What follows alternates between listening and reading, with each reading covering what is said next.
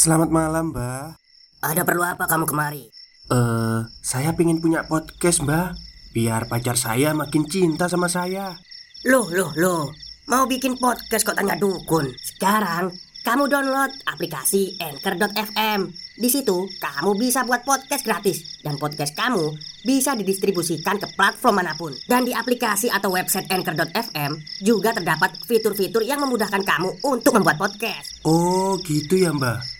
Kalau gitu, saya boleh minta password wifi-nya, Mbak. Buat apa? Buat download Anchor.fm, Mbak.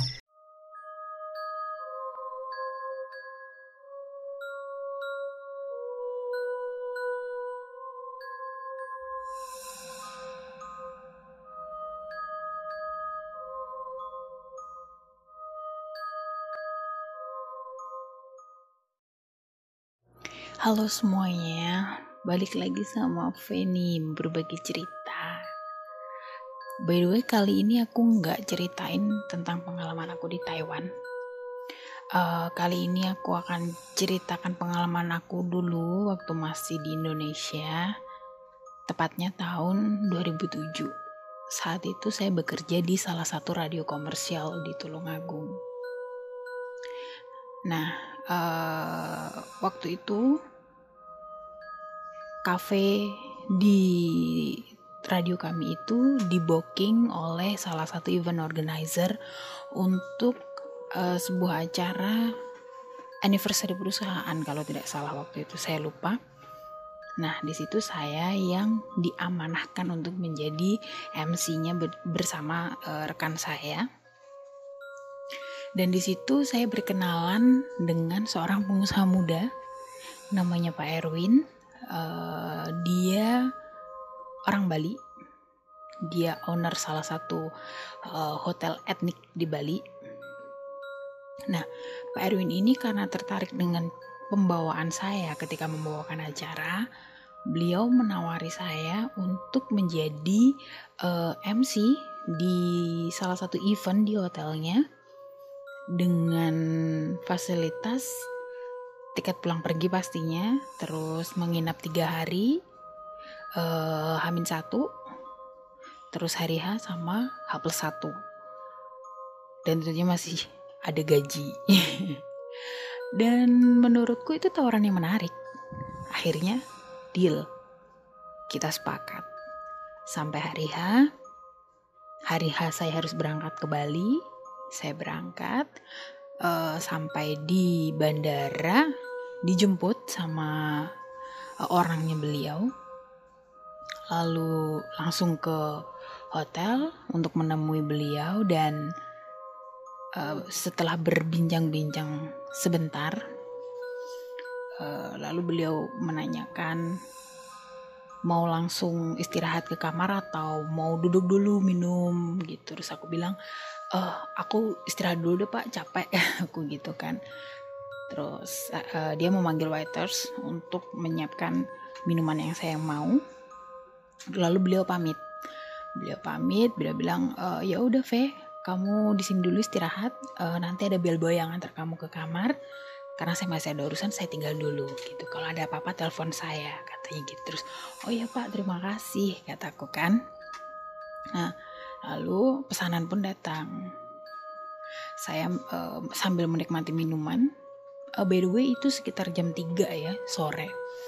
Sambil menikmati minuman, saya melihat sekeliling, observasi gedung. Uh, jadi saya sambil membayangkan besok itu uh, format seperti apa yang mau saya bawakan gitu. Nah, uh, ketika sedang asik berhayal, tiba-tiba Nggak tahu dari mana asalnya, di samping saya ada seorang laki-laki. Memakai kemeja putih, dan memakai sarung khas Bali yang kotak-kotak hitam putih itu, dan tersenyum sama saya. Kupikir, oh mungkin ini bellboynya udah datang gitu. Terus aku, uh, dia senyum, tapi nggak ngomong. Terus aku bilang, oh mau ngantar ke kamar sekarang? Kataku kan, terus dia senyum lagi. Kuanggap itu jawaban artinya iya saya bangkit terus uh, aku mau nyeret koper. Tapi dia dengan gestur tangannya dia bilang bukan bilang maksudnya dengan gestur dia mengisyaratkan bahwa jangan jangan dibawa biar saya saja gitu. Tapi dia nggak ngomong. Terus akhirnya ya oh ya udah gitu. Nah dia berjalan di depan saya saya mengikutinya dari belakang. Setelah berjalan menuju ke kamar berhentilah dia di depan salah satu kamar berhenti karena pikir sudah sampai saya eh, bergegas menyiapkan uang tips. Karena saya nggak pakai tas cengkleng ya saya pakainya tas punggung. Uh, jadi saya harus ngelepas tas dulu untuk bisa ngambil dompet saya yang ada di dalam tas. Nah, di situ saya sibuk sendiri dong tentunya kayak nge uh, ngebuka tas itu. Dan ketika mau saya kasih saya baru bilang oh, ini gitu. Tapi si masnya nggak ada. Gue noleh ke kiri ke kanan ke belakang. Gak ada orang. Gue masih diem di situ. Uh, gue masih mikir oh mungkin hmm, ada sesuatu yang ketinggalan mungkin diambil tadi karena aku terlalu sibuk aku nggak lihat masnya jalan.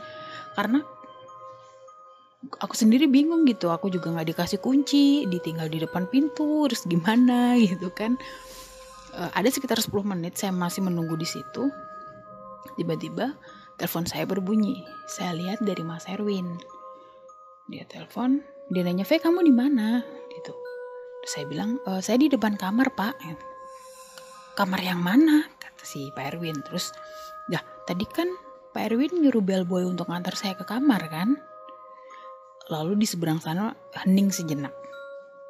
Setelah itu Pak Erwin ngomong lagi e, aku emang nyuruh bellboy sih Ve tapi dia belum berangkat karena dia nyari kamu di meja kamu kamunya nggak ada gitu. Dan ini dia balik ke sini untuk nanyain yang mau diantar yang mana kata gitu.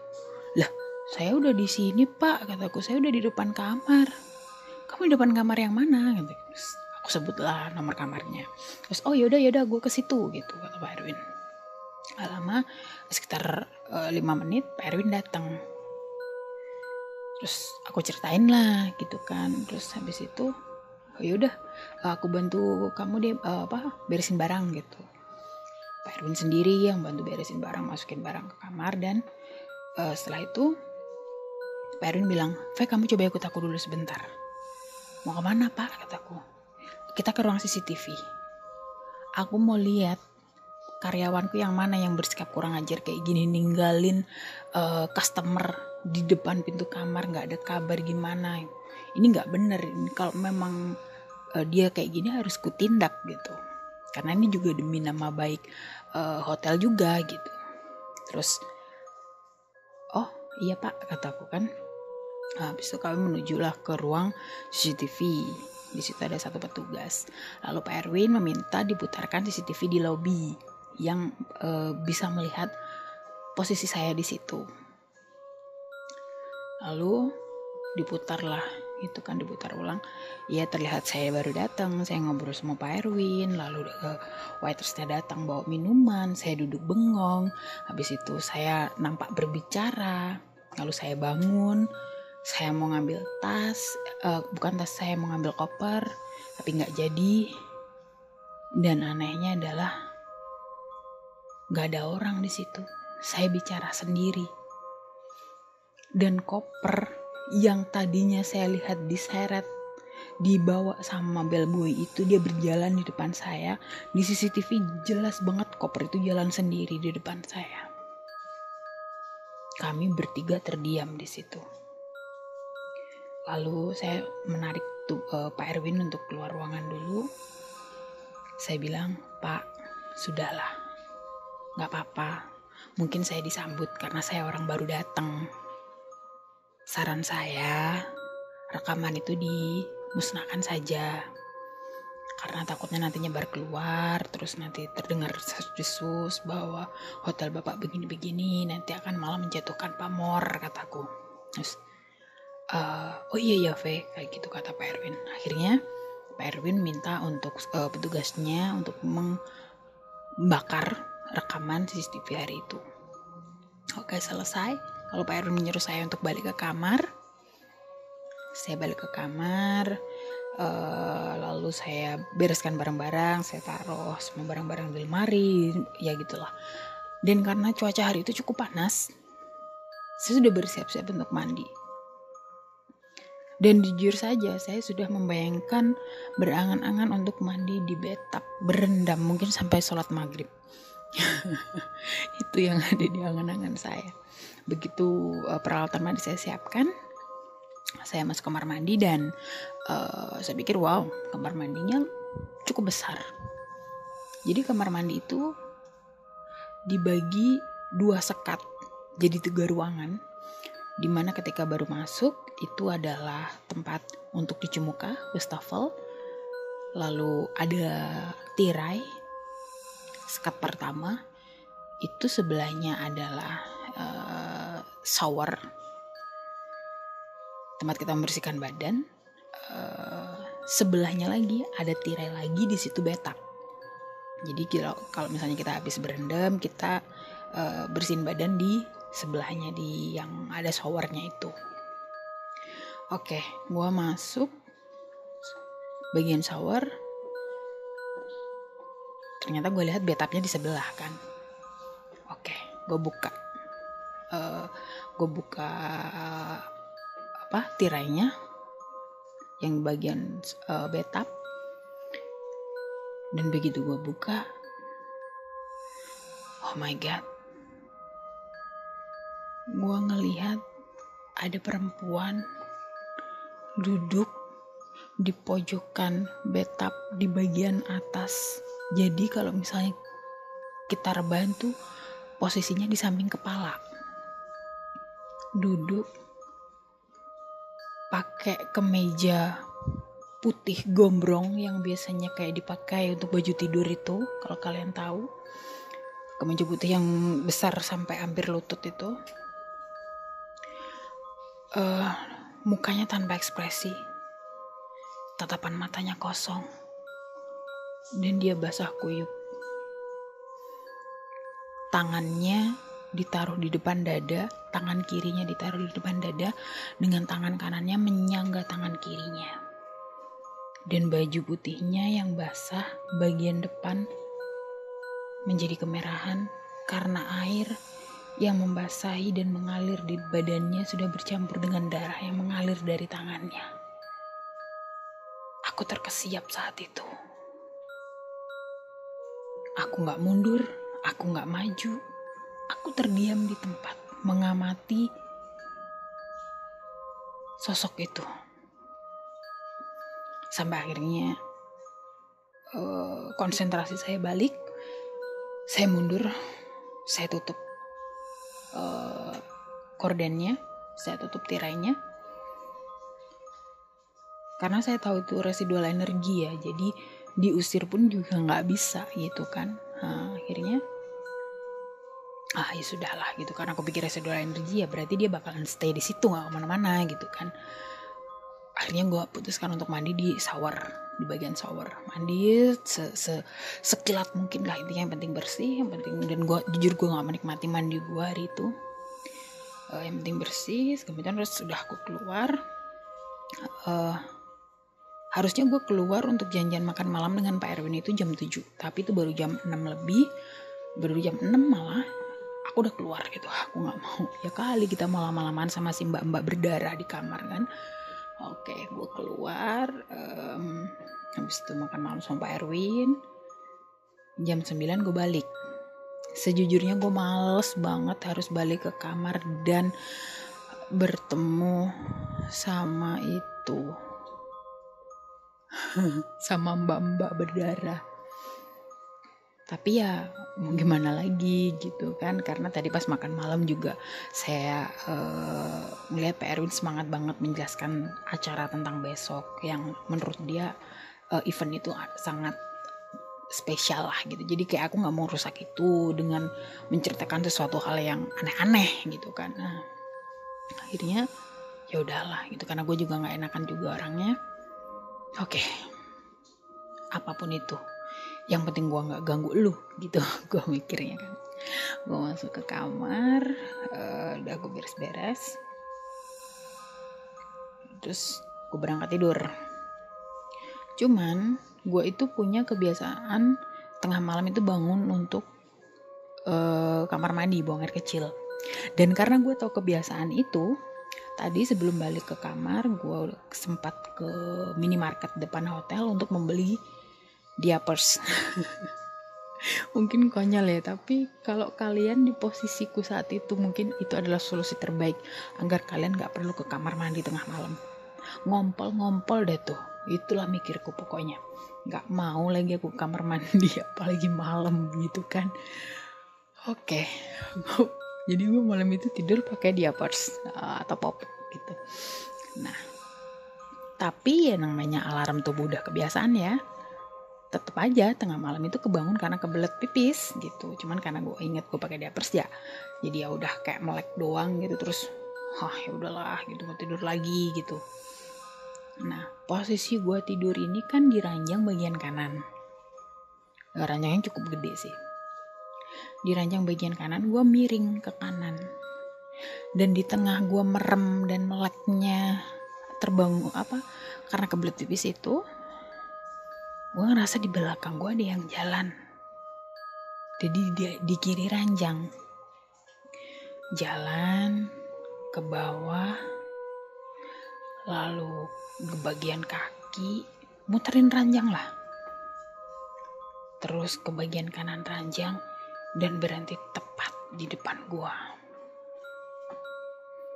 Gue jadi gue itu bukan rep-repan ya. Kalau rep-repan itu kan kita nggak bisa ngapa-ngapain. Gue itu sadar sesadar sadarnya dan kalau misalnya gue mau lari gue bisa lari gitu. Kalau rep-repan itu kan kita nggak bisa gerak, kita nggak bisa ngomong gitu. Itu gue bisa, gue sadar sebenarnya. Cuman memang gue lebih memilih untuk pura-pura merem gitu. Pura-pura merem. Dan sesedikit saya mencuri. Lihat, yang di depan saya itu ibu-ibu dengan kebaya khas Bali. Dia juga memakai bunga yang diselipkan di telinganya. Wajahnya pucat. Bahkan kalau kataku wajahnya putih susu. Dan dia menggonceng anak kecil laki-laki. Mungkin berumur sekitar 4 atau 5 tahun masih kecil. Diem mereka di depanku mereka berdua. Aku pura-pura tidur. Lalu si anak kecil ini nggak tahu dia mau mukul mau megang mau nyentuh atau gimana. Intinya si anak kecil ini tadinya dia mau nyentuh aku gitu. Tangannya udah bergerak untuk nyentuh aku dan sejujurnya aku udah sempat aku udah niat buat bangun dan lari gitu. Kalau sampai si anak kecil ini sampai sampai nyentuh gitu. Tapi belum sempat anak ini nyentuh si ibu ini ngomong si ibu ini ngomong kalau saya nggak salah dengar dia bilang degangukan bok bokne bok Nenu istirahat. Kalau nggak salah seperti itu. Dan sejujurnya saya nggak tahu artinya itu apa karena itu bahasa sana. Apa pun yang dikatakannya yang jelas itu membuat si anak kecil mengurungkan niatnya untuk menyentuh saya. Uh, akhirnya mereka terdiam berdua. Tidak lama mereka berbalik. Berjalan keluar. Berjalan ke arah pintu keluar. Karena mereka sudah berbalik gue pikir mereka bakalan udah dong gitu maksudnya kan. Terus gue perlahan-lahan gue beringsut untuk terduduk duduk di ranjang eh, duduk di atas ranjang dengan selimut sampai menutupi dada gitu karena sejujurnya gue takut. Dan mereka masih berjalan ke arah pintu dua orang ini. Dan begitu sampai di depan pintu Oh my god, mereka noleh ke arahku. Dan kami sempat beradu pandang sepersekian detik. Aku terkesiap gak tahu harus gimana. Dan mereka berdua tersenyum. Lalu berbalik dan menembus pintu. Tembus Aku menghela nafas panjang sambil terus berdoa membaca doa apa pun yang aku bisa. dan terus sambil berusaha menjaga agar uh, fokusku terjaga gitu dengan jangan sampai fokusku hilang atas apa yang Tuhan tunjukkan kepada saya hari ini gitu. Oke. Setelah seper sekian detik sekian menit mungkin ya. Saya berusaha untuk menenangkan diri saya. Uh, sudah lebih baik. Saya menengok jam jam setengah tiga. Masih terlalu malam untuk misalnya saya mau menunggu pagi gitu. Masih terlalu lama. Akhirnya di situ ya udahlah saya berdoa sebisa mungkin mencoba untuk tidur. Ya, sambil terus berdoa sampai ya saya nggak tahu ketiduran jam berapa. Saya tidur sampai uh, saya bisa tidur akhirnya sampai besok paginya itu malam pertama di hotel ini saya cukupi dulu ceritanya. Next, aku bakal cerita malam keduanya di hotel ini. Karena kalau aku cerita di sini terlalu panjang. Oke, terima kasih sudah mendengarkan. Assalamualaikum warahmatullahi wabarakatuh. Stop, stop. Kita break sebentar. Jadi gimana? Kalian pengen punya podcast seperti saya? Jangan pakai dukun pakai Anchor. Download sekarang juga. Gratis.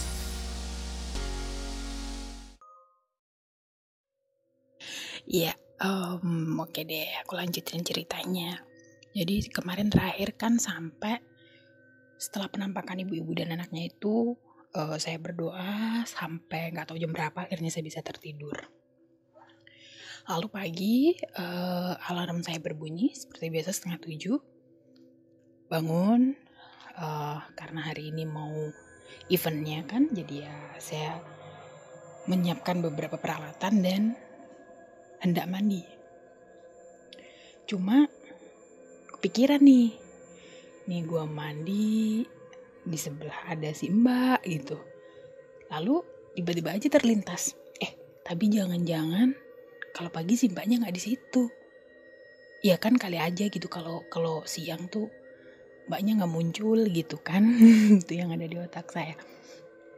Nah akhirnya dengan gobloknya saya coba nih eh udah deh coba deh gue lihat gitu gue intip kalau emang ada ya ya ya udah nggak jadi gitu nah akhirnya masuk lah tuh di bagian cuci muka aman lanjut buka tirai masuk ke yang uh, bagian shower aman. Ini mau buka tirai yang betap. Ih, jantung rasanya mau loncat. uh, nggak bisa aku ceritakan lah itu rasanya gimana. Buka enggak, buka enggak, buka enggak. Ini kayak rasanya tuh bunyi jantungku sampai sampai telinga. Udah akhirnya, oke, okay, buka deh. Satu, dua, tiga Srep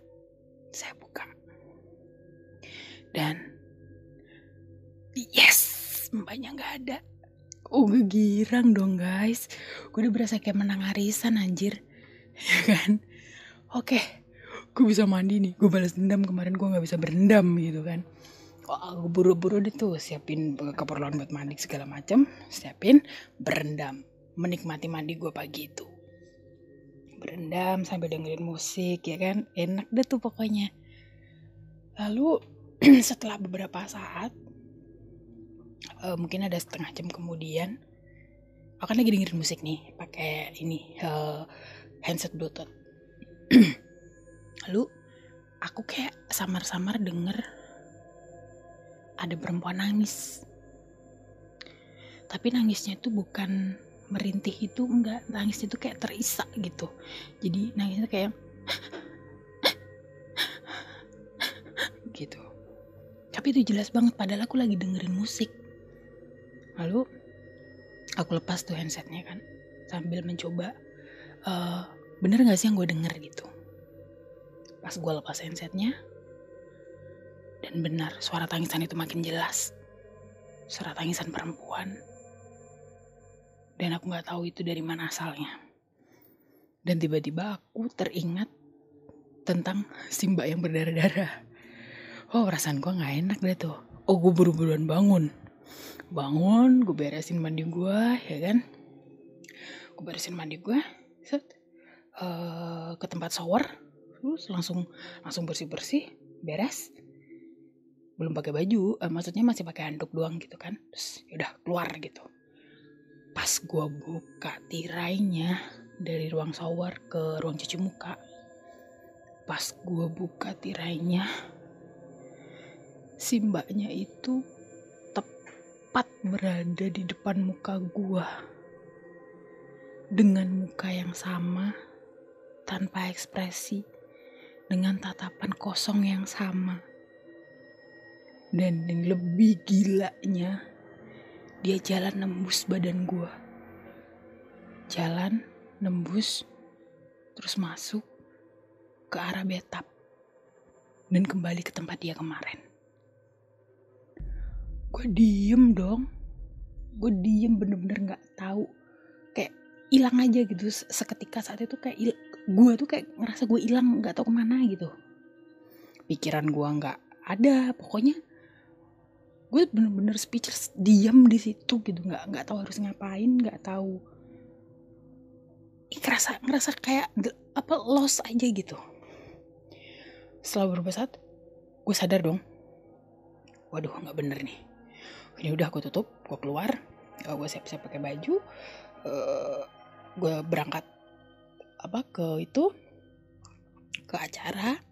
Lalu ya udahlah gitu kan acara selesai jam uh, 4 jam ya sekitar jam 4 kan selesai.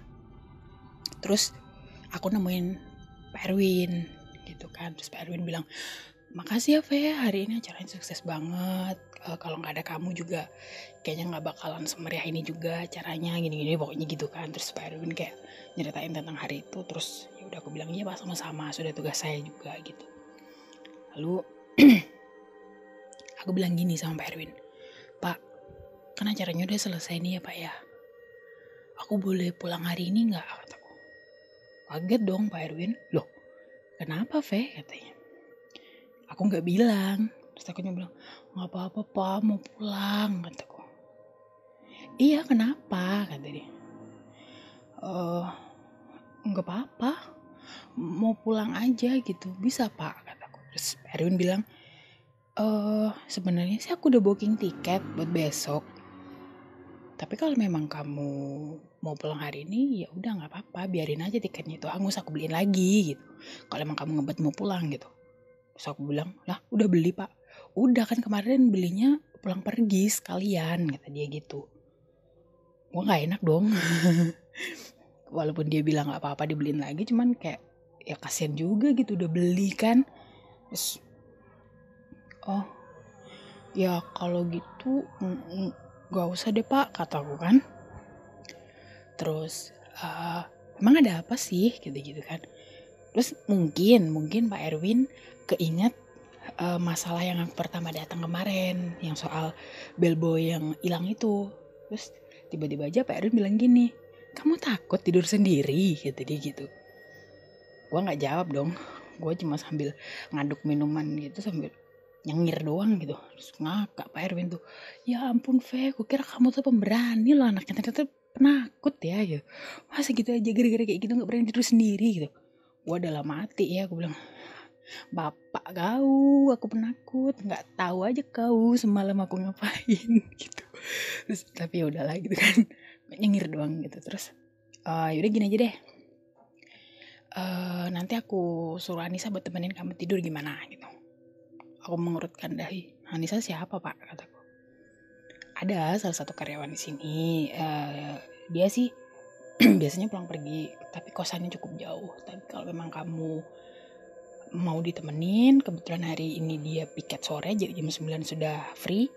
Nanti biar saya minta dia untuk temenin kamu daripada dia pulang jauh juga, kata Pak Erwin kan terus.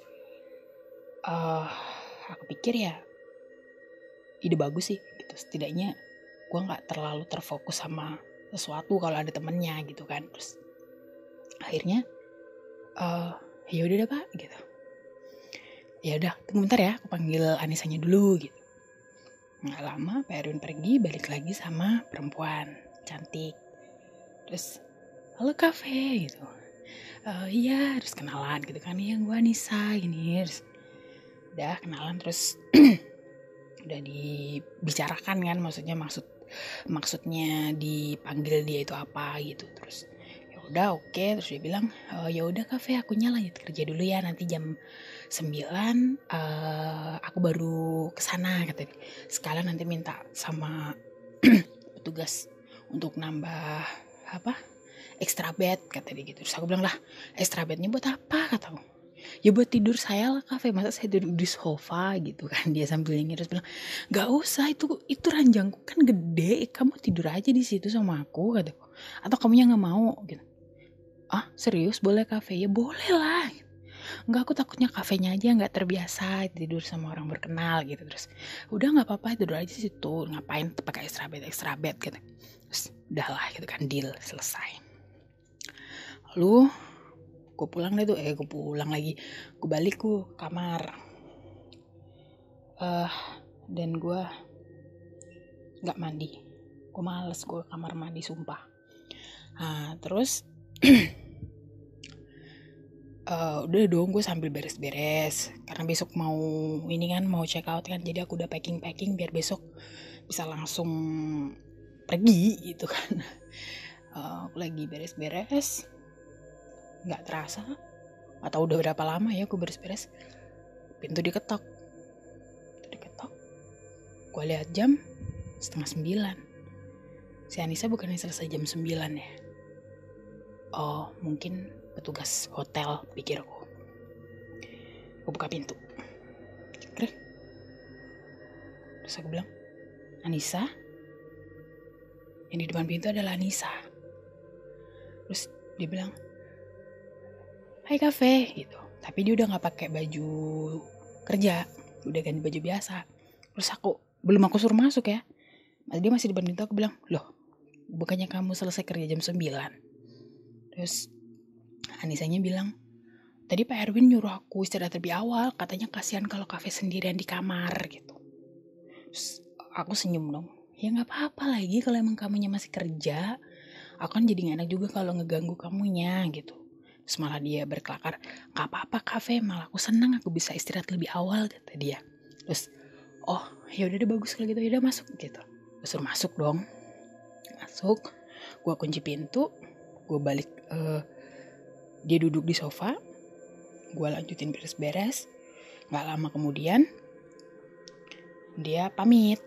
Eh kafe mau ke kamar mandi nggak? kata dia. Kenapa? soalnya aku mau kamar mandi mau hapus-hapus makeup. Takutnya nanti kafe mau kamar mandi kafe aja duluan gitu. Karena mungkin aku agak lama gitu. Terus aku bilang enggak enggak aku udah kok tadi gitu. Terus oh ya udah kalau gitu aku hapus makeup dulu ya gitu masuklah dia kamar mandi. Nah posisi saya berdiri beres-beres itu kan bisa melihat ke kamar mandi kalau nggak ditutup.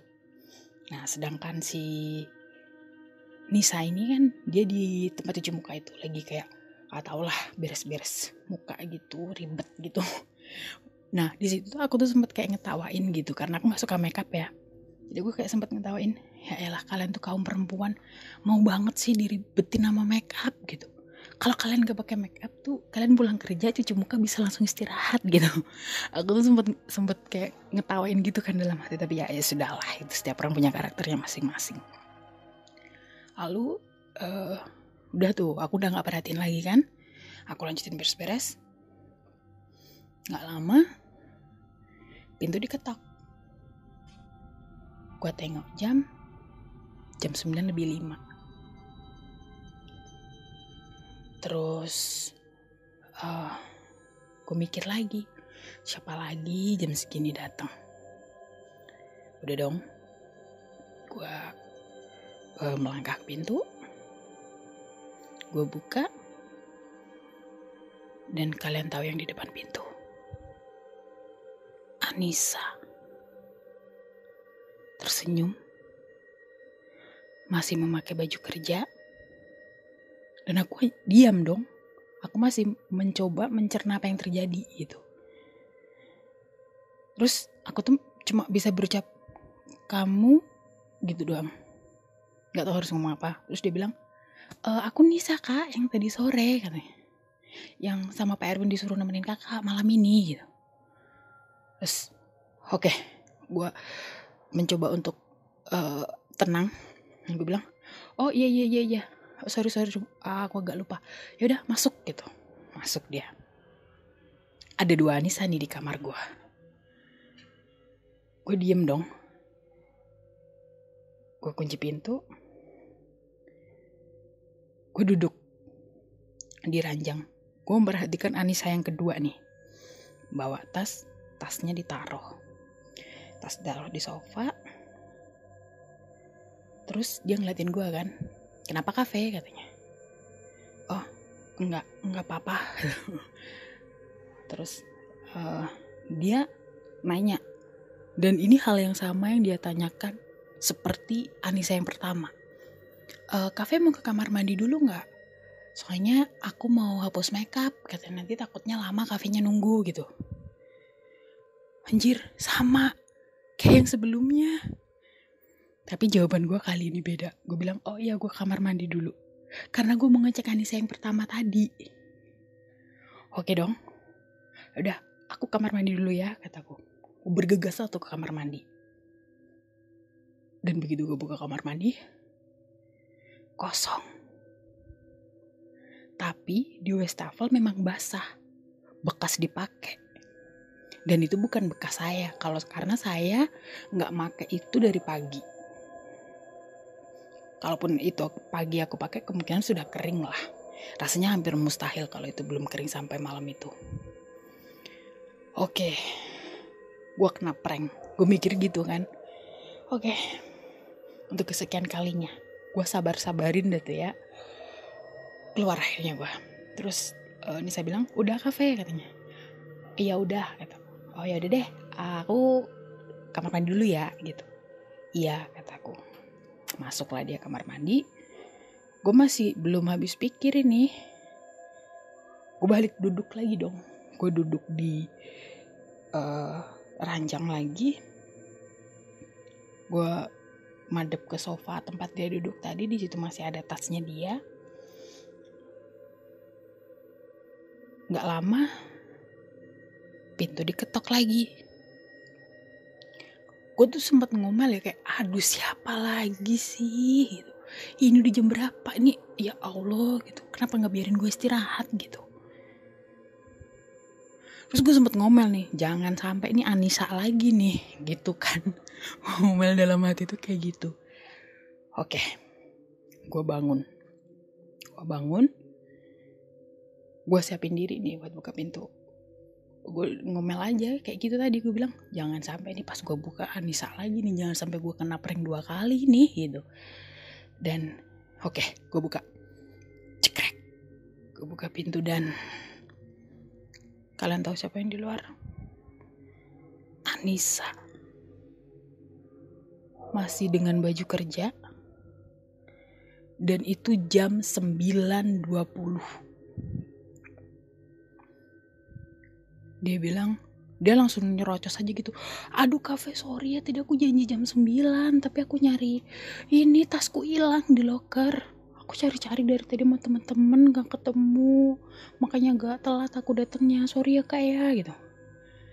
Gue diem dong. Terus gue mikir dan ini Anissa ketiga malam ini.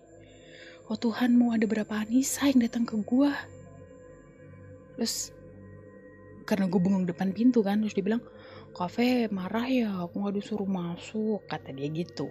Terus uh, aku langsung yang beragapan gitu kan oh iya iya iya, iya. Apa tadi kamu bilang?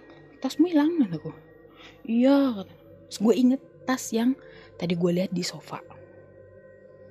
Gue buka pintu gue kasih lihat gue nunjuk gitu. Itu tas kamu bukan? Karena memang tasnya masih ada di situ. Terus dia langsung bilang dah iya kafe kok bisa ada di sini? Gue bingung dong harus jawab apa. Ya kali gue bilang. Terus nanti dikiranya gue maling gitu kan terus ya udah gue bilang gak tahu gue masuk udah ada di situ tasnya. Gitu.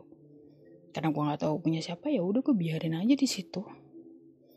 Terus akhirnya, oke, okay, berarti gue kena prank dua kali gitu. Gue sambil mikir, sambil ngumpat-ngumpat itu dalam hati. Terus, oke okay deh, gue udah capek banget nih ya. Gue udah capek jiwa raga lah itu pokoknya. Terus gue masuk. Gue masuk, ya udah masuk ya gitu. Kunci pintunya ya gitu. Gue jalan duluan. Dia yang kunci pintu. Kedenger tuh dia ngunci pintu. Grek, cekrek, krek, krek gitu.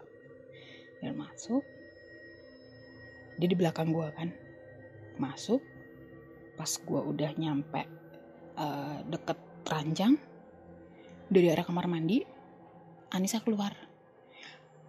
Ada tamu ya kafe kayak denger ada yang ketok pintu. Wah diem dong.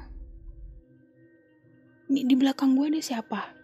Di depan gue ada Anissa. Terus gue langsung otomatis gue nolak ke belakang. Dan gak ada siapa-siapa di belakang gua. Padahal jelas-jelas tadi dia yang kunci pintu dan posisi pintu terkunci. Dia yang kunci pintu, si Anissa ketiga. Tapi dia gak ada. Oh udahlah itu ah, kalau oh, kalau kalau kalau seandainya aku boleh ngumpat itu udah semua kata-kata kotor mungkin udah aku keluarkan hasil malam itu. Gue langsung oh iya tadi ada orang salah kamar gitu dikira kamar ini gue cuma jawab begitu sama Nisa ya terus bis itu langsung ya udah Nis uh, kamu kalau mau ini kamu lanjutin lah kamu apa kafe istirahat dulu ya kafe capek gitu.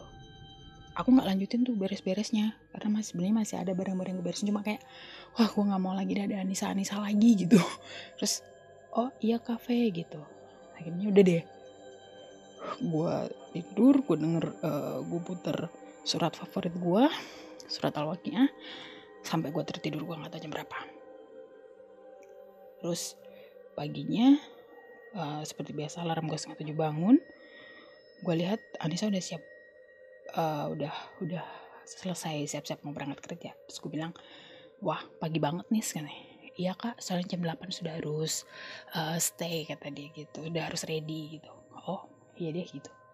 Tungguin gue ya gue ini gue sekalian nanti kita barengan keluarnya. Loh kafe bukannya ini ya? Sore ya check outnya? gitu. Iya sih cuman nggak apa-apa beres-beres sekarang aja gitu. Daripada nanti kan kalau emang ini udah dari lobby aja lah gitu kaburnya gitu. Dia, dia mengurutkan dahi dia bilang kabur. Nggak maksudnya uh, dari sini gitu. Maksudnya aku udah nggak biar nggak perlu ke kamar lagi gitu. Terus dia senyum doang gitu. Oh iya kak gitu. Keluar beres-bereskan tuh terus akhirnya selesai. Uh, jam setengah delapan keluar berdua. Uh, barang-barangku juga dibantuin sama Nisa juga bawainnya ketemu sama Pak Erwin terus bilang Love kok udah packing? kata dia. Iya pak. Uh, nanti biar di sini aja barangnya taruh di lobby aja gitu. Uh, nanti kalau emang kamu keluar dulu ya, ya udah barangnya di sini aja gitu. Terus oh ya udah deh gitu kata Pak Erwin kan. Terus uh, dipanggil petugas ini barangnya simpen dulu ya gitu. Nanti kalau soalnya aku masih mau keluar sama V nanti kalau misalnya pas udah balik baru siapin barang-barangnya untuk dibawa ke bandara gitu. Udahlah barangku diurusin sama petugas kan. Nah terus si Nisa ini pamit. Ya udah pak. Karena kalian juga mau keluar saya juga mau mulai kerja kata dia. Terus iya iya makasih. Terus aku bilang makasih Anis sudah nemenin aku semalam. Ya kafe sama-sama gitu. Sudah ada kan gue udah ngelangkah udah berjalan eh, uh, balik ke arah pintu lobby si Anisnya juga udah uh, jalan ke resepsionis. Uh, baru berapa langkah tiba-tiba si Anissa manggil kafe katanya. Gue noleh dong. Anissa datang terus dia sambil senyum dia bilang, kafe berani banget ya, bisa dua malam tinggal di situ. Gue cukup tadi malam aja kafe, gue nggak mau lagi. Gue didatengin, dia sama aja gitu. Ternyata dia juga didatengin sama ibu sama anaknya itu.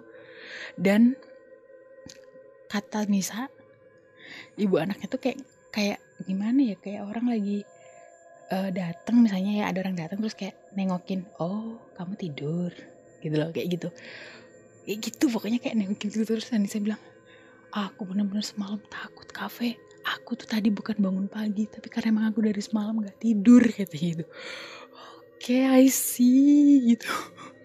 Ternyata nggak cuman gue oh ya dan by the way yang waktu itu aku bilang si ibunya ngomong sama adik kecilnya itu pas aku tanyain itu artinya apa? Katanya itu artinya kayak semacam jangan ganggu kakaknya lagi istirahat gitu. Makanya tuh si anak kecil yang pas dia mau megang aku kan gak jadi. Nah itu. Dah gitulah. Pokoknya hari itu uh, aku dapat sedikit penyegaran dengan diajak Pak Erwin keliling kota keliling wisata di situ dan sorenya udah aku langsung check out pulang.